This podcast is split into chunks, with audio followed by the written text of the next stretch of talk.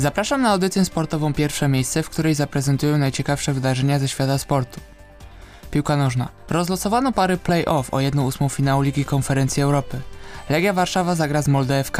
Jest to jedyny polski przedstawiciel w europejskich pucharach. Raków Częstochowa przegrał za Talentą Bergamo 4-0 w ostatnim spotkaniu fazy grupowej Ligi Europy. Medaliki zakończyły rywalizację w grupie na ostatnim, czwartym miejscu i całkowicie pożegnały się z pucharami w tej kampanii. Ponadto rozlosowano też parę 1-8 finału Ligi Mistrzów. SSC Napoli zagra z FC Barceloną, FC Kopenhaga trafiła na Manchester City, a FC Porto podejmie Arsenal Londyn. W tych meczach zobaczymy Polaków. Piotra Zielińskiego, Roberta Lewandowskiego, Kamila Grabarę i Jakuba Kiwiora. A przynajmniej jak na razie, bowiem włoscy dziennikarze są przekonani, że Zieliński w zimie zamieni Napoli na Inter Mediolan. Pozostałe pary to RB Lipsk Real Madryt, Paris Saint-Germain Real Sociedad, PSV Eindhoven Borussia Dortmund, Lazio Rzym, Bayern Monachium, Inter Mediolan, Atletico Madryt.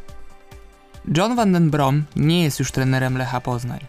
Klub z Poznania zatrudnił na to stanowisko Mariusza Rumaka, który w przeszłości był asystentem, a także prowadził już kolejorza.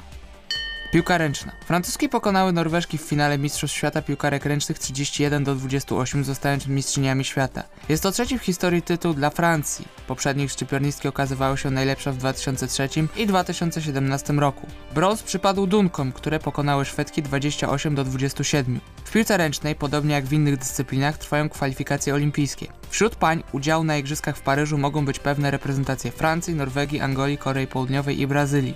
Finałowym turnieju wystąpi 12 drużyn. Skoki narciarskie.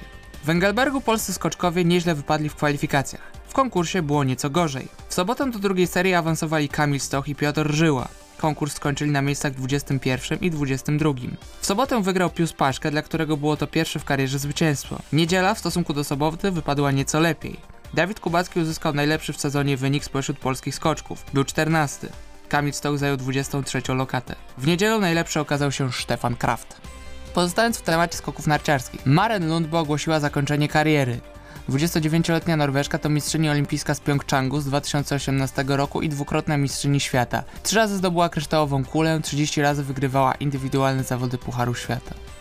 Siatkówka. Sebastian Świderski, prezes Polskiego Związku Piłki Siatkowej, ogłosił, że finałowy turniej Ligi Narodów Siatkarzy w czerwcu 2024 roku odbędzie się w Atlas Arenie w Łodzi. Drugi raz z rzędu Polska będzie gospodarzem finałowego turnieju Ligi Narodów. W lipcu 2023 finałowa faza Ligi Narodów odbyła się w Trójmieście. W fazie finałowej gra 8 zespołów, gospodarz oraz 7 najlepszych drużyn. Liga Mistrzów Siatkarzy.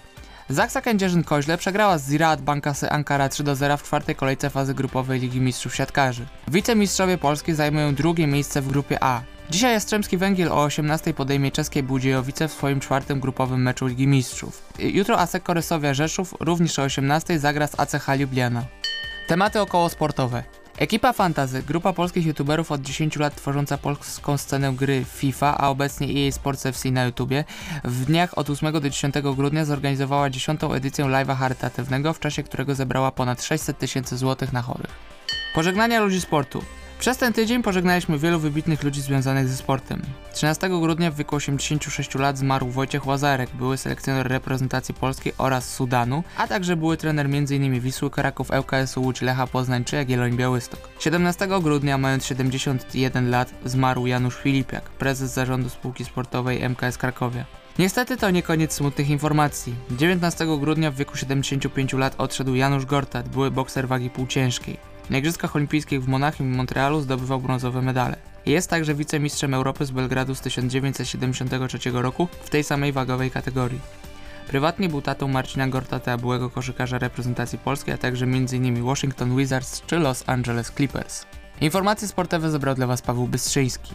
Dziękuję za uwagę.